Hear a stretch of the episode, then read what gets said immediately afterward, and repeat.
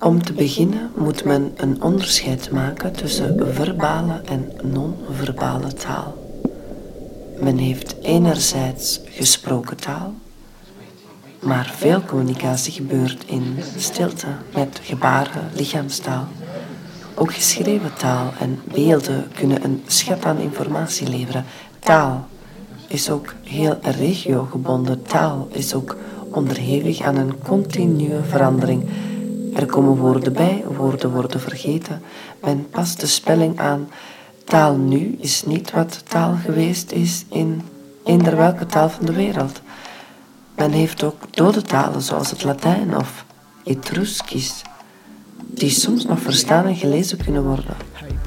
Er zijn ook uitgevonden talen, kunsttalen zoals Esperanto of het Orks en Elvis van Tolkien of de taal van de Klingons uit Star Trek. Als men zich afvraagt wat nu de oudste taal is, de oertaal zeg maar, zijn er veel die zeggen dat het het Hebreeuws is, door de autoriteit van de Bijbel of het Egyptisch, omdat het zo'n oude beschaving is. Maar in de middeleeuwen, tijdens de reformatie, een woelige tijd met de godsdienstoorlogen, begon men de oudste teksten te lezen in het Grieks, Latijn en ook de Bijbel in het Hebreeuws. Ook de opkomst van de boekdrukkunst zorgde voor een revolutie op gebied van teksten en talen en vertalingen. Een Brabantse geleerde, een vriend van de drukker Plantijn, kwam echter met de stelling dat het Brabants dialect het best bewaard in Antwerpen de oudste taal is ter wereld. Net dit jaar, een halve eeuw geleden, kwam Johannes van Gorp, beter bekend onder zijn Latijnse naam Goropius Pecanus, ter wereld en schreef een werk over de oorsprong van Antwerpen en liet het ook drukken door zijn vriend Plantijn. Daarin beweert hij dat het Kimbris, zoals hij de oertaal noemt, het oudst is. Hij komt met meerdere argumenten, zoals de kortheid van de taal, de hoeveelheid aan één lettergreepige woorden, ook de hoeveelheid aan palindromen, oftewel woorden die achterstevoren gelezen hetzelfde zijn.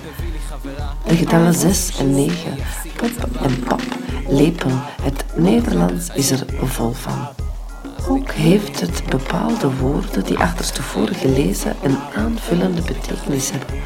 Pot, top. Het woord berg is dan graf geworden door de flexibiliteit van taal. Nog een voorbeeld, als men veel sipt van drinken, is pis het gevolg. Ook geeft hij aan de oudste personen uit de Bijbel, zoals Adam en Eva en Noah, een Kimbrische of Brabantse etymologische betekenis.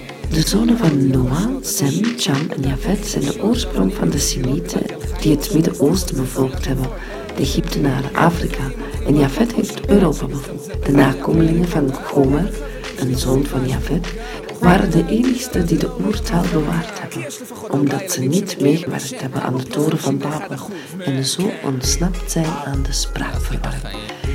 In zijn tijd werd er met zijn beweringen gelachen, voornamelijk door mensen die onbekend waren met onze taal en mensen die zijn lijvig werk, geschreven in het Latijn, niet gelezen hadden.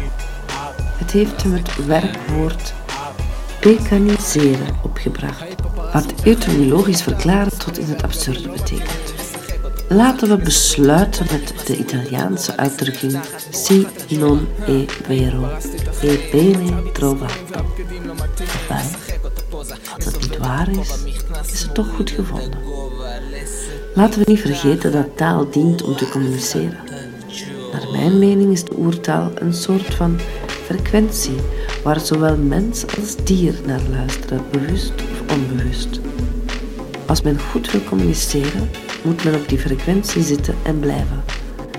Zo doorbreekt taal, wat ook een hogere dimensie is, alle barrières. Want de taal der liefde wordt door iedereen begrepen. Spreek ze dan ook.